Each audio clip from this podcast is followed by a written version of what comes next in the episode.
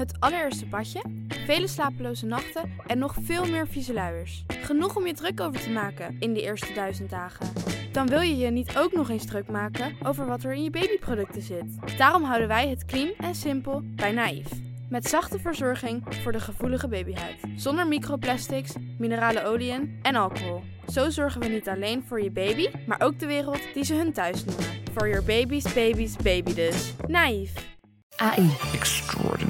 Iedereen heeft het erover. Noem dit mijn cynische geest, maar ik ga dan gelijk denken: oké, waar kun je het allemaal voor misbruiken? Maar er gebeurt zoveel. Dat kun je toch niet bijhouden? Jawel.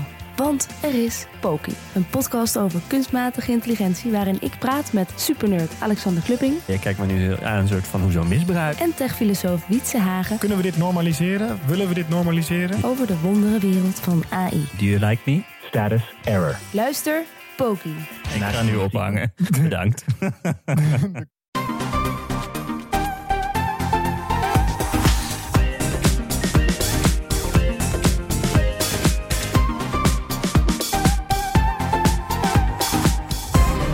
Welkom bij de Bright Podcast van woensdag 3 augustus met de trending topics in tech van deze week. Mijn naam is Floris en ik bel via de goede oude internetverbinding met Rutger. Hallo. Voor de rest is iedereen op vakantie.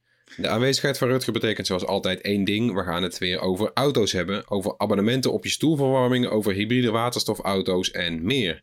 We gaan beginnen. De automarkt blijft volop in beweging. Misschien niet altijd de goede kant op, want de betaalmuur staat nu ook op je dashboard, bij wijze van spreken. Ja, het doet mij echt, echt een beetje bijna fysiek pijn om dat te zien. Ik had het in een Mercedes al een keertje gezien. Dat dan krijgen ze een nieuwe auto mee natuurlijk van de importeur. En die heeft alle abonnementen gewoon. Dus je hebt CarPlay, je hebt stoelverwarming, al die dingen. Maar dan als je even die menus ingaat, zie je op een gegeven moment dat CarPlay na drie jaar gaat verlopen. Denk je, nou, de eerste eigenaar heeft er misschien nog geen last van. Maar degene daarna wel. En BMW doet het nu ook. Stoelverwarming 19 euro. Stuurwielverwarming 11 euro per maand. Hoef je dan alleen in de wintermaanden te doen natuurlijk. Dat scheelt dan. Ja, ja. Real-time traffic, wat je gratis hebt via Google Maps op je telefoon, betaal je 62 euro per jaar voor. Een eh dashcammetje voor 15 euro per maand. Driving Assistant Plus 39. Flitspaal 6 euro. Grootlichtassistent 9 euro. Ja, het is echt bizar gewoon dat je een, auto zoveel duurder kan maken per maand. Met allemaal abonnementjes op onderdelen. ja. En ze- BMW is niet de enige, dus Mercedes heb ik daarbij gezien. Eh, Toyota vraagt extra geld voor een functie voor de draadloze sleutel. En Cadillac, Volkswagen, Porsche, Audi, Tesla, die experimenteren daar allemaal mee. En de vraag is natuurlijk hoe de markt gaat reageren. Ja, want, en de grap is, het is nu al best winstgevend, heb ik opgezocht. Want General Motors verdiende vorig jaar al bijna 2 miljard euro. En dit is het abonnementen. En ze verwachten dat dat tegen 2030 is gegroeid tot zo'n eh, kleine 25 miljard euro per jaar. En dat is zeg maar, nou ja, dat is een, flink deel. Ze, ze verdienen nu eh, eh, 124 miljard per jaar. Crazy. Dus nou, je kan je voorstellen, dit is dan een flinke hap in de, van, van de, van, ja, het, het zijn diensten. Je ziet het eigenlijk ook bij al die bedrijven zoals Apple en Google en zo.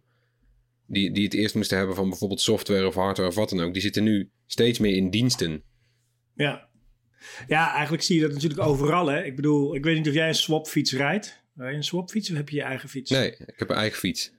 Want ik, ik vraag me dan af, ik word daar heel boos van als ik dat zie. Als ik zo'n auto Ja. zou krijgen waar, ik, waar allemaal dingen fysiek opgeschroefd zijn. Waar ik geen gebruik van kan maken. Tenzij Ja. ik een abonnement doe. En ergens snap ik het. Hè? Dus als je kijkt vanuit bijvoorbeeld Tesla. Die zegt gewoon wij bouwen alle auto's precies hetzelfde. Zelfde accu, zelfde hardware. Want dat is voor ons het goedkoopste om te doen. Ja, Maar we geven daar niet iedereen toegang toe, want we moeten verschillende price tiers hebben, want anders zetten we die auto's niet weg voor alleen de, de hoofdprijs. Terwijl ja, het is een beetje gek of zo, maar het is financieel nog wel verklaarbaar. Eh, en bij hun is ook het een eenmalige unlock op dit moment. Dus je zegt, eh, ik wil eh, full self-driving, dan betaal je gewoon zoveel duizend euro meer. En dan heb je dat erbij voor altijd. Ehm, maar vanuit het, cons het consumentenperspectief vind ik het heel moeilijk te begrijpen dat je iets wat je bijvoorbeeld, nou ja, eh, live traffic, wat je van Google Maps gewoon gratis krijgt of van Waze, ja, wat je via CarPlay op je scherm kan toveren, dat je daar BMW voor zou betalen. Eh, maar ik heb het ook met een swapfiets dus hoor, dat, dat je ehm, iets wat je na een jaar eigenlijk afbetaald hebt, blijft betalen om er Ja. minder gezeik van te hebben. Nou ja, en het hele idee van, en dat is natuurlijk een van de, van de, van de pilaren van, van een, een auto hebben, dat die van jou is. Ja, En het idee, weet je wel, dat het soort van inherent van dat, dat merk je nu ook nu er steeds meer van die eh, leenauto's bijkomen en zo. Het hele idee van, van een auto hebben is heel belangrijk voor mensen. Want ook al we weten allemaal dat, dat auto's 90% van de tijd stilstaan. En toch willen we er zelf eentje hebben die van ons is. Nou ja, en als je hem niet wil, laat ik het anders zeggen, als je het puur financieel bekijkt. Als je er eentje wil hebben, wil ik er niet daarna nog weer voorbij gaan betalen. Nee, dat is het ook. Nee, dat is Dus- helemaal een vies idee, ja. Ik snap heel goed, eh, mijn zusje die eh, woont in Hilversum, die heeft geen auto eh, en die maakt gebruik van deelauto's als dat nodig is. Nou, Ja, dan is het helemaal prima dat je niet altijd de kleur hebt die je wil en niet altijd precies het model Precies. dat je wil. Als je ermee kan redden, is dat prima en dan deal je daarmee. Maar als je je eigen auto hebt en er zitten allemaal opties op die je niet kan gebruiken, dan is dat Ja. elke keer als je in de auto stapt een soort van beschuldiging van eh, je bent te skeer, je bent te arm om al die dingen te unlocken die wel op deze auto zitten. Dat lijkt me een Ja, en heel ik vind het onprettig ook- gevoel. een soort van heel cynisch. Want we hebben dus kennelijk zulke goede vooruitgang en zulke goede efficiëntie dat we nu voor eigenlijk best wel een laag bedrag auto's kunnen maken die volledig voorzien zijn. Ja. Alleen dan zegt de fabrikant ja, maar dan willen we gewoon eigenlijk veel meer aan verdienen. Ja, ja, dat is het ook. Ja. Het is een beetje, ja, toch een beetje vies. En zo voelt dat wel. Ja. Maar Ja, ik ben heel benieuwd hoor. Want. Kijk, als je van tevoren tegen mij gezegd dat, eh dat swapfiets een grote hit zou worden in Nederland, zou ik ook denken van, nou, maar financieel slaat het helemaal nergens op. Wie doet dat nou? Maar ja, Ja. je ziet oneindig veel blauwe wieltjes. Dus het zou Ja. me niet verbazen als dit gewoon, ehm, eh, gewoon wel aanslaat. En dan grotendeels door merkentrouw. hè. Er zijn mensen die rijden een BMW en die willen altijd een BMW rijden. En Ja. die, eh, die denken, oh, dit hoort er nu bij. Nou ja, prima, dan betaal ik daar wel of betaal ik daar niet voor. Misschien vinden ze het zelfs wel hip dat je een abonnement kan nemen binnen je eigen auto. Ja. ja, en ik zag laatst ook nog wel een bizar eh, voorbeeld van, van, van dit fenomeen. Eh dat was een Amerikaan en die had een derdehands Tesla gekocht. Nou, kan makkelijk inderdaad. Eh, die kwam uit de fabriek met een 60 kilowattuur batterij destijds nog. Ja. Later, zoals je zegt, is Tesla overgestapt op alle auto's grootste batterij erin. Nou, daar was ooit iets met die batterij. Is een 90 kilowattuur batterij ingezet. 90 kilowatt. Nou, eh, verkocht aan een eigenaar, aan een, aan een nieuwe eigenaar. Die heeft hem weer doorverkocht. Eh, en die derde eigenaar, die zag dus op een ochtend, die, die had dus gewoon, er stond ook P90 achterop en zo, 90 Ja. kilowatt batterij erin. Op een ochtend kreeg hij een mailtje, we zagen een fout in uw configuratie, we hebben het weer teruggezet, graag gedaan.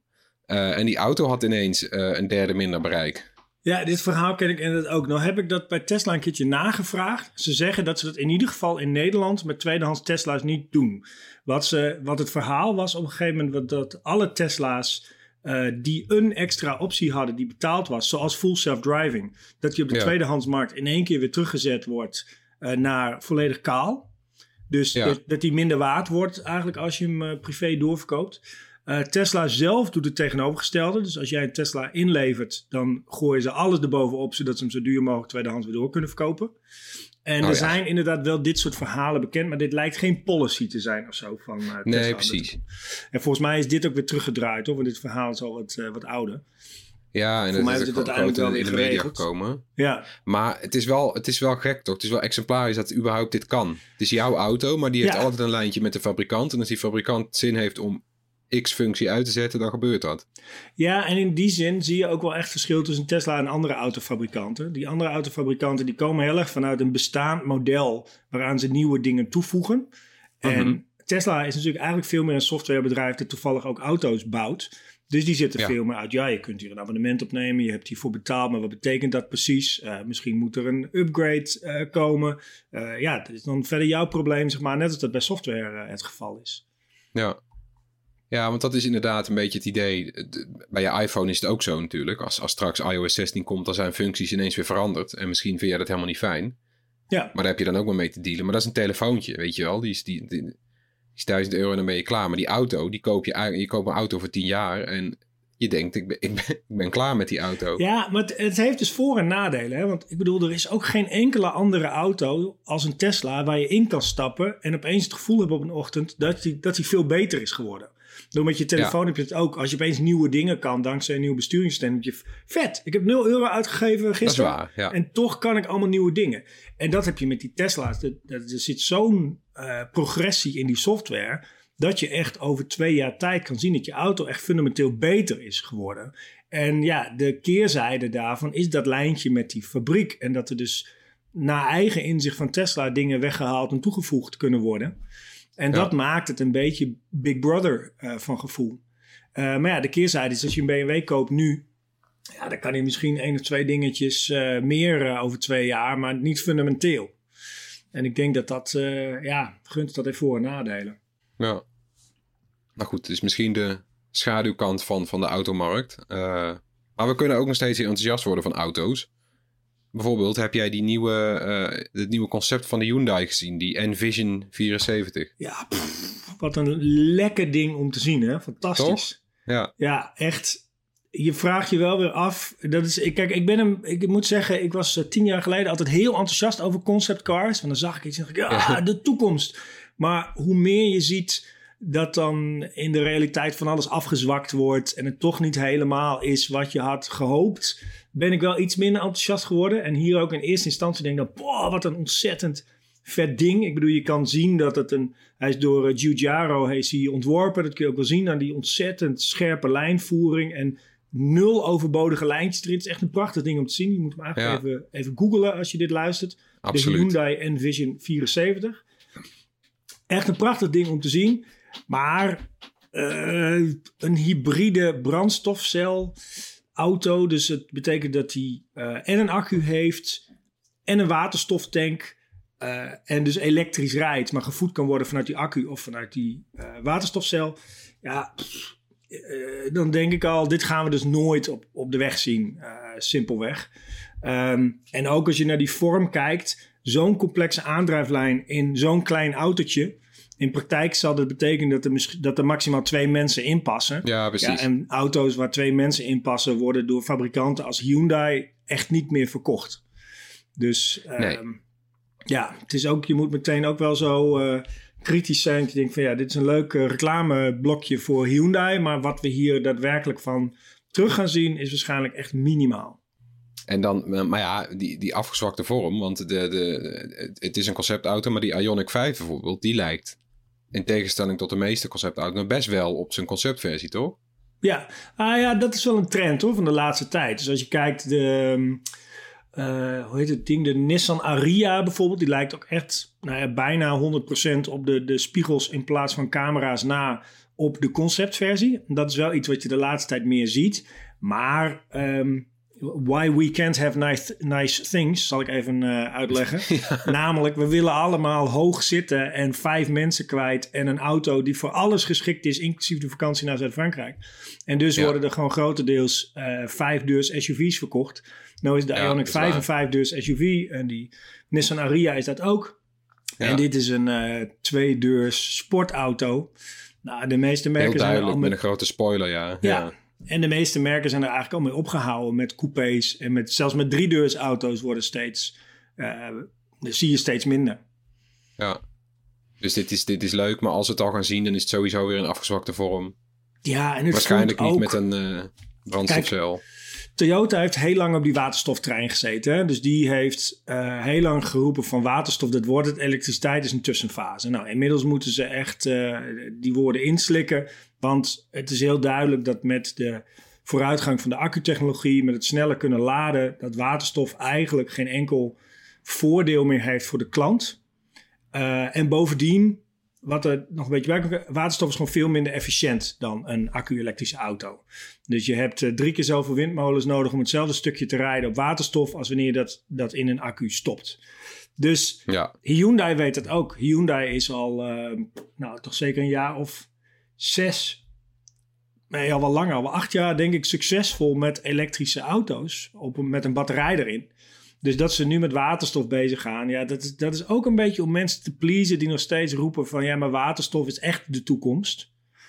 Ehm, en eh, nou, dan eh, maak je zo'n auto en dan ben je niet alle- alleen maar meer in het kamp van de batterij, maar dan doe je ook een beetje mee met waterstof. Dus dat lijkt ja me dan de, de functie hiervan. Want inmiddels de- is het zelfs zo dat onze Nederlandse expert in eh, waterstof en eh, eh, batterijen doorrekenen voor auto's, Auke Hoekstra, die zegt ja, eigenlijk kun je zelfs voor zwaar vrachtverkeer al niet meer spreken van een voordeel voor waterstof. Lijken batterij-elektrische vrachtwagens zelfs een betere oplossing. Ja, dan is het voor een personenauto echt volslagen bizar om eh, op waterstof te gaan rijden. Ja, precies. Want ik dacht zelfs voor, die, voor, voor, voor bezorgers is het misschien nog handig omdat je snel kan tanken. Maar zelfs dat is dus niet eens echt meer nodig. Nou ja, een, ehm, het is niet heel moeilijk om een busje te maken die 400 kilometer kan rijden op een accu. En uh, de meeste bezorgers rijden 20, 30 kilometer per uur, misschien een keer 50 kilometer per uur, zeg maar. Maar gemiddeld, laten we zeggen 30 kilometer per uur. Dan kun je Ja, met zo'n busje pakken gewoon- 600 kilometer op een dag doen. Nou, dat red je niet eens. Nee, dus je zegt gewoon je kan makkelijk een pakketdienst die je meestal inderdaad distributiecentrum en je rijdt meteen de bebouwde kom in. Ja, dan kun je de hele dag met zo'n bus en waarschijnlijk de volgende dag ook nog wel. En misschien een derde dag. Dus dat is helemaal geen issue, want elke ochtend is dat ding gewoon vol.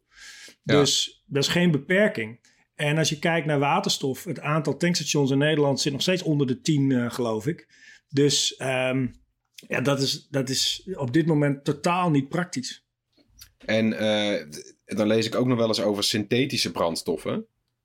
Ja, Klinkt dan ook wel sympathiek. D- weet ik veel waar ze het van maken, maar dat is dan een brandstof. En de, de- het, het verhaal is dan, je kan die in je bestaande benzineauto doen.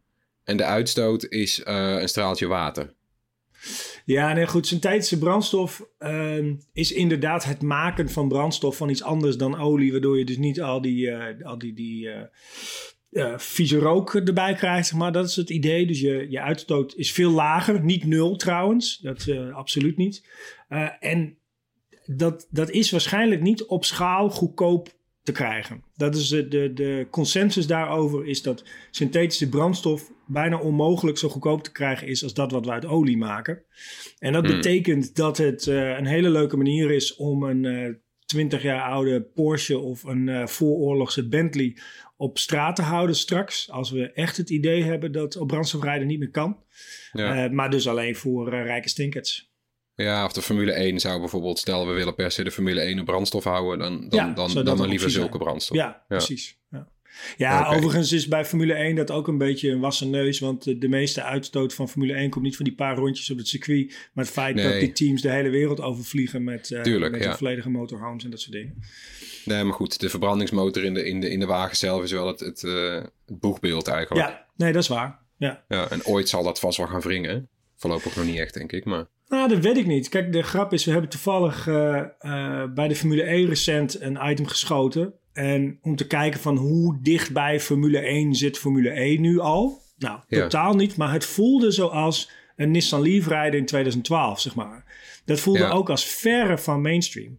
Nu zijn we je tien jaar alles, verder. dit komt er wel. Ja, ja, maar, ja, precies. Dus nu zijn we tien jaar verder en denk je van, ja, verrek, het, het volstrekt logisch dat we op eh, elektriciteit gaan rijden. En ik vermoed dat die Formule E versus Formule 1, dat dat ook best wel snel om zou kunnen slaan. En ja. die, die racerij gaat natuurlijk heel erg om namen en zo. Dus het is leuk als je weet wie erin rijden. Dus daar zit een soort probleem in elke andere klasse dan Formule 1 eigenlijk. Dat je niet weet wie de poppetjes achter het stuur zijn. Ja. Dus dat is een, eh, dat is een issue. Ehm, maar ja, dat is ook niet iets wat onoplosbaar is. Als het genoeg op televisie komt, als ze Formule E op de een of andere manier een samenvattingje eh, in de Formule 1 eh, eh, preview zouden kunnen gooien of iets dergelijks, dan binnen de kortste keren kun je zoiets wel groter maken. Dus ik, zie het niet als onmogelijk. Ik zou het wel leuk vinden als ze gewoon een overgangstoernooi zouden doen. Dat, je, dat je zelf mag kiezen wat voor auto je doet en dan kijken welke, welke auto er wint. Nou, dat is heel grappig, want Formule E voelt ook als een heel andere serie. Die auto's die botsen veel meer en die, die schuiven eraf. En dat is veel meer, eh, het zijn hele, het zijn allemaal straatcircuits, relatief kort. eh, En het wordt echt intens geraced. Ehm, dus je kunt het eigenlijk niet naast elkaar eh Stiekem gewoon spannender. Het hangt nog niet om de, om de, om de seconde eigenlijk. Nee, dat is het. Maar ja, goed, dat de grap natuurlijk met een heleboel race-series. En rally race is eigenlijk ook veel interessanter, maar het wordt totaal Ja. niet interessant in beeld gebracht. En dus kijk je dat niet. Zo'n, de, de spanningsboog van een Formule 1 race is gewoon interessanter. Ja. Eh, maar bij Formule 1 doen ze heel hard hun best om dat ook aantrekkelijk te maken. Ja, precies. Nou, over dat elektrisch rijden gesproken. eh, laatst kwam er uit onderzoek naar voren dat Nederland nog steeds de absolute koploper in de EU is wat betreft laadpalen.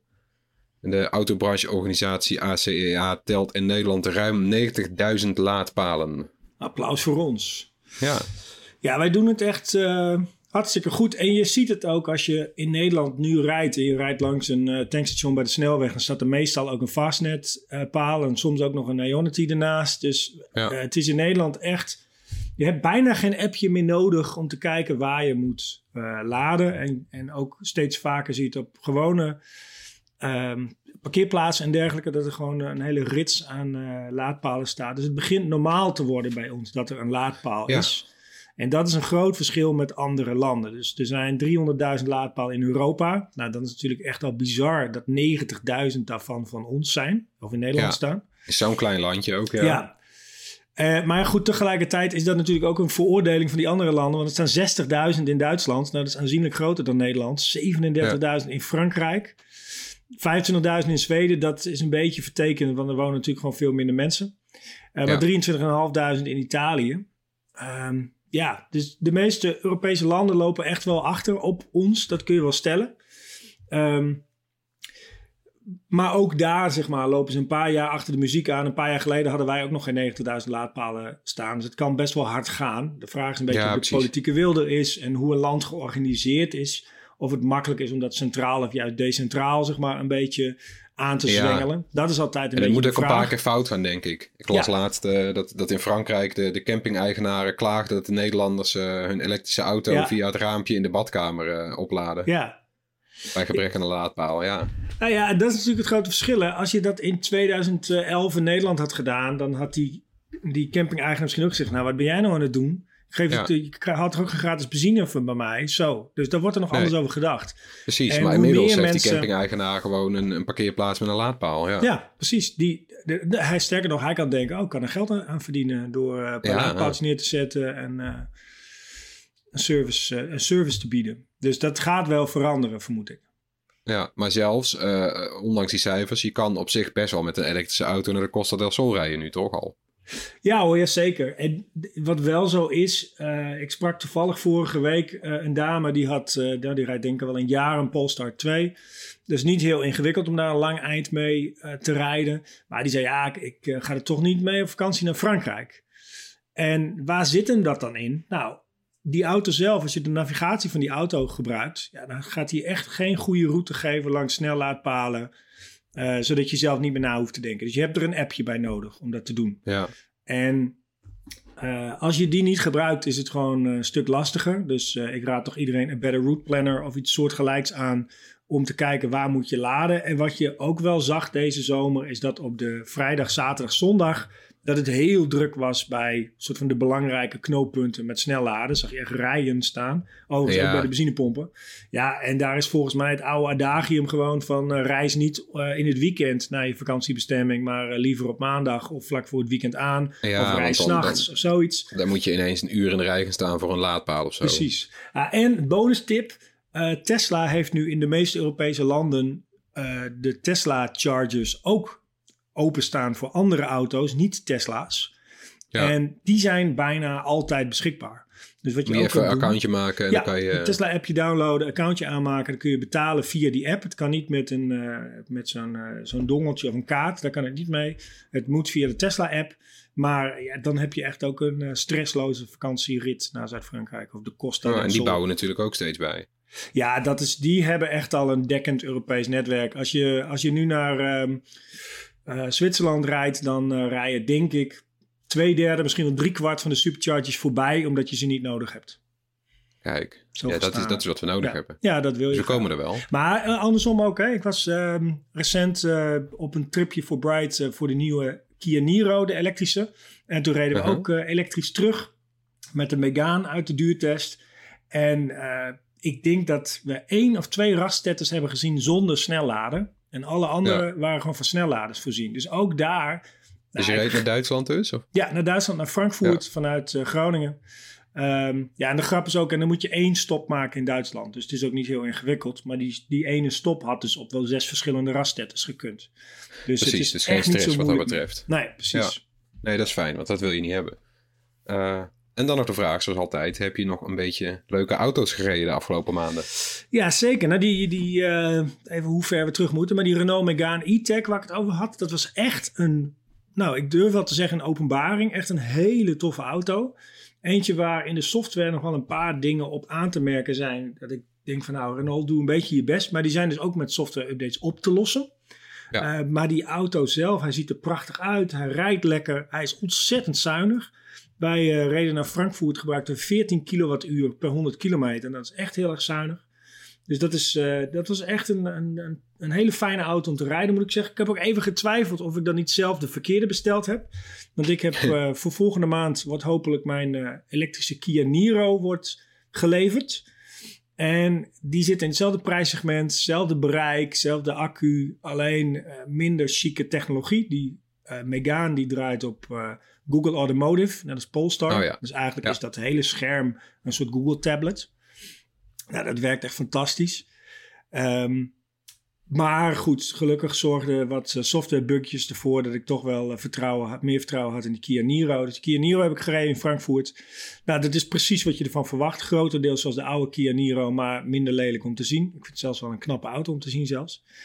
Eh, en nog een leuke auto wat je niet zou verwachten van tevoren. Een elektrische Berlingo XL heb ik een maand mee gehad. Onder andere naar mijn Ja. vakantieadres.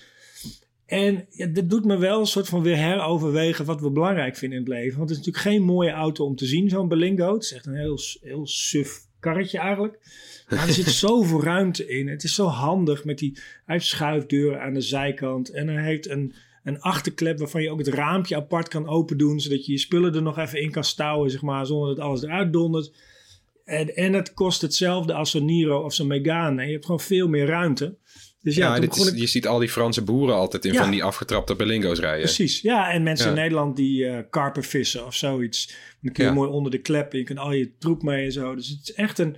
Het is een auto met weinig uitstraling, maar zo ontzettend veel praktisch nut. Dus dat was echt een hele leuke auto om een eh, maandje mee te mogen rijden. Ja, en heb je ook een duurtest eh, heb je daarover geschreven? Ja, precies. Die staat al deels op de site. Die zal ik ook linken in de show notes. Dan kan je ook zien. Heb je een foto van een oude en een nieuwe Berlingo naast Ja. elkaar. Is leuk om te zien. Want hij, ja, ik vind hem niet lelijk hoor. Ze hebben Nee, nee, leuk, nee, nee, het is geen lelijke auto. Maar het is ook niet eentje waarover je op gaat scheppen tegen de buren. In tegenstelling Nee. tot wat ik nu op de oprit heb staan. Ik heb nu de Mustang Mach-E GT. Dat is Oh. de snelle versie van de Mach-E, de elektrische eh, Ford Mustang. Ja. En ehm, nou, dat is echt een beest om te zien. Fantastisch. Hij is ook knalgeel. Of een beetje oranje. Mooi, ja. Zo moet het hè. Ja. Ja. zo moet het wel. Als je dan toch Onbeschaamd. Amerikaans. Precies, ja, dat. Maar je hoopt eigenlijk wel dat ze zo'n zo'n Mustang... eigenlijk dat ze ooit ook nog een verlaagd model gaan maken, toch? Of zou dat er niet meer in zitten omdat we zo SUV-verslaafd zijn? Ja, nou ja, kijk, ze zien het vaak als halo cars. Hè? Dus er zijn merken die moeten sportief over blijven komen. Dus als je bijvoorbeeld een Porsche, dat ze echt hun best hebben gedaan om die Taycan een lage auto te maken, hun eerste elektrische auto. Ja. Om toch het gevoel te blijven geven, wij zijn primair een sportauto bouwen. Eh, ondanks dat het meeste geld wordt verdiend met eh Cayennes en Macans. Wij zijn een sportauto bouwen. En dus er zullen altijd merken blijven. Zelfs Toyota die bouwt nog een sportauto. De Supra bouwen ze nog steeds. Omdat ze iets willen weergeven van dat het belangrijk voor hen is. Dat ze autoliefhebbers zijn. En dus ondanks dat het dan totaal niet verkocht wordt... zijn er dan toch merken die zo ja, eigenlijk pragmatisch... Een, een niet praktische auto in de markt zetten. Dus ze blijven wel, maar steeds minder. Dat zie je wel. Dan worden straks allemaal SUV's testen. Ja, nou, dat is al zo. Ja, het hoorspel dus, waarin we elke week een techgeluid laten horen. Dit was het geluid van de vorige week. Ja, afgelopen twee weken zelfs. Er was een hint voor nodig. Die luidde zoekt en gij zult vinden. En eh, die hint heeft geholpen. Eh, mensen eh, zochten een stuk meer in de buurt. Luisteraars dachten aan een metaaldetector bijvoorbeeld.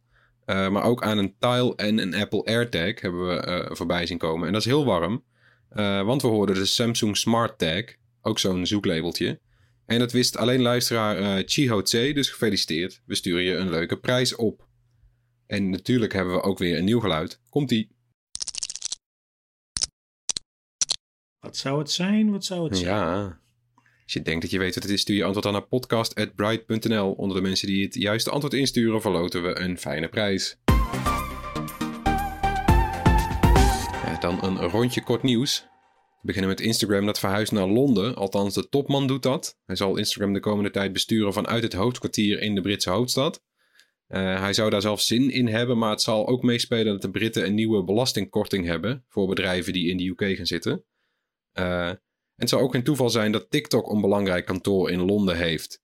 Instagram wil meer op TikTok gaan lijken. Gebruikers willen dat niet. Eh, Instagram zei vorige week dat ze nou ja, toch op TikTok gingen lijken.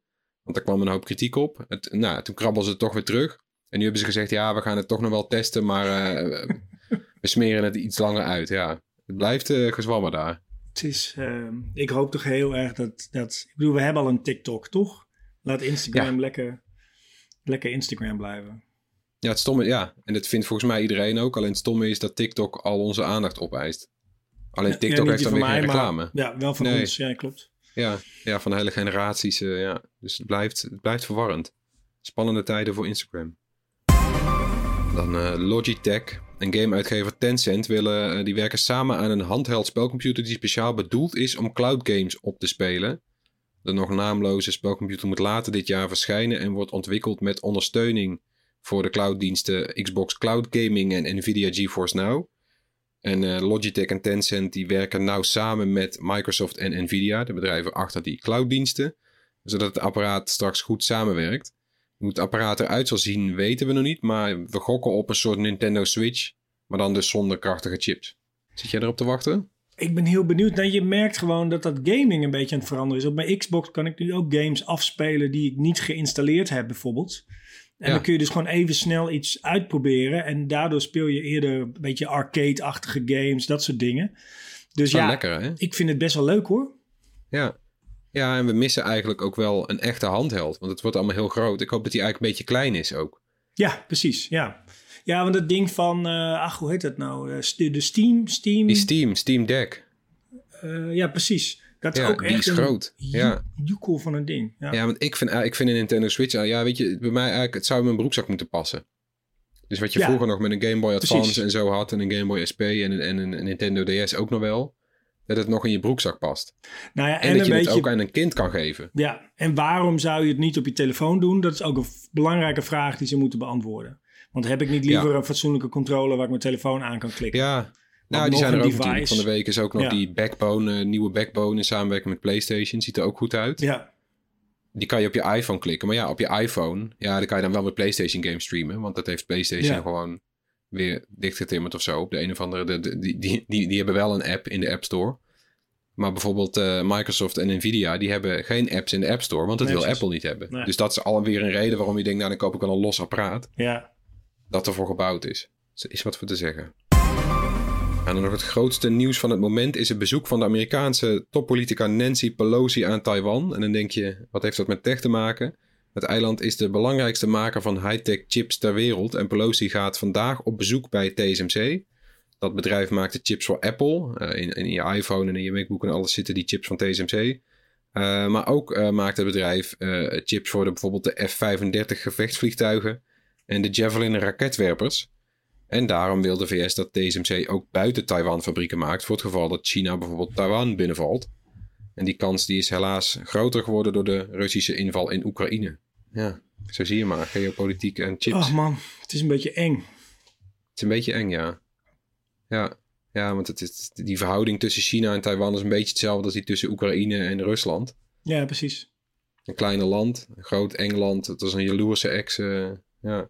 Ja, precies. Ja, ik, ik hoop dat, eh, dat eh, de Chinezen wat pragmatischer zijn dan de Russen eh, in hun Ja. geopolitiek. Maar ik, ja, het is, ik had ook niet gedacht dat Rusland Oekraïne binnen zou vallen. Dus ik, ik durf niet, Nee. niks te voorspellen eigenlijk. Ik durf er ook niks op te zeggen, nee. Ik weet alleen wel inderdaad, nou ja, er zijn een hoop diplomaten die denken dat juist die, die, die handreiking naar TSMC best wel veel kan betekenen.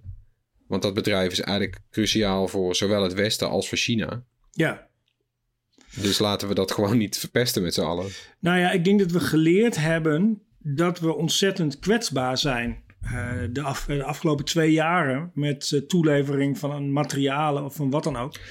Ja, En dat, eh, dat het dus nou ja, heel erg lovenswaardig is dat Nancy Pelosi naar Taiwan zegt en zegt van nou laten we de risico's een beetje spreiden in ieder geval.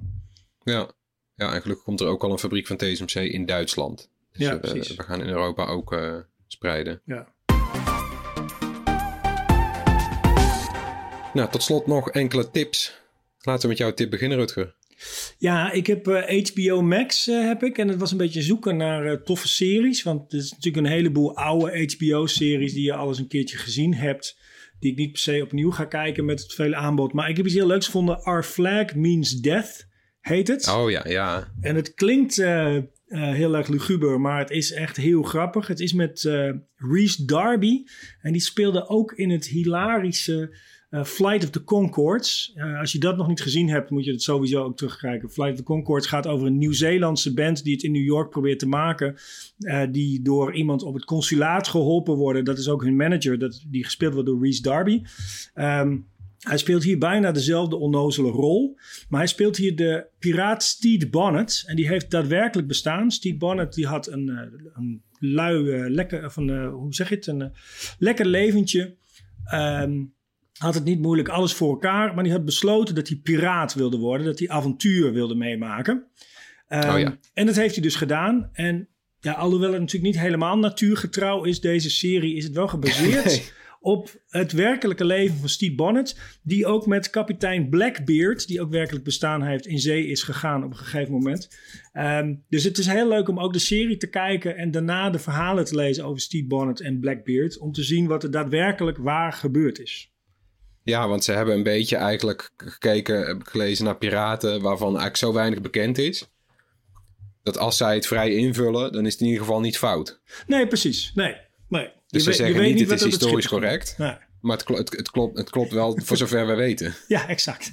Ja, nee, dat is leuk. Ja, nee, klinkt goed. Die moet ik nog checken. Ik ben aan het kijken naar de andere serie van een beetje dezelfde groep makers. Want Taika Waititi zit hier ook in. Ja. Dus ik ben aan het kijken naar die, uh, naar die Dracula-serie. Oh, ja. Ik weet niet of je die oh, ook gezien hebt. Niet zo goed die staat er weer op Disney. Bloed. Ja. Ja, ik zag het, ik zag het ervoor, maar ik dacht, dit is mij waarschijnlijk iets te horror. En uh, Our Flag Means Death is mij, is mij net niet te veel Vrolijker. Horror. Ja, Piraten precies. Vrolijk. Ja, vrolijker, ja. Exact. Ja, ik heb ook een serie. Uh, die staat op Disney Plus en die heet Light and Magic. En dat gaat over uh, de opkomst eigenlijk van de, de, een van de bekendste uh, special effect studios ter wereld. Industrial Light and Magic. Oh ja. En hoe die door de jaren heen, want nu maken we alles met de computer. Hoewel, we vallen nu ook juist steeds weer terug meer op, op ja, fysieke elementen. Fysieke special effects. hoe pakken ze dat aan en hoe deden ze het voor de computer? Dat deden ze met, met, met grote schilderijen. Waar dan die als Oh, achtergrond diende en zo. Het is heel leuk om te zien hoe die, hoe die mensen door de jaren heen steeds weer andere trucjes bedachten om hele realistische uh, ruimteschepen te laten zien en zulke soort dingen. En dit is echt heel op vet om Disney te zien. Plus? Ja, op Disney. Plus. En het is ook allemaal in Dolby, uh, Dolby Vision opgenomen, dus je ziet ook elk detail. Ja, het is echt heel vet om te zien. Cool. Ja, dat was hem weer uh, voor deze week. Bedankt voor het luisteren. Laat gerust iets van je horen. Mail naar podcast.bright.nl of drop een DM op een van onze sociale kanalen. Dank Rutger. Ja, tot, Tot volgende week. allemaal. Doei doei. Doei.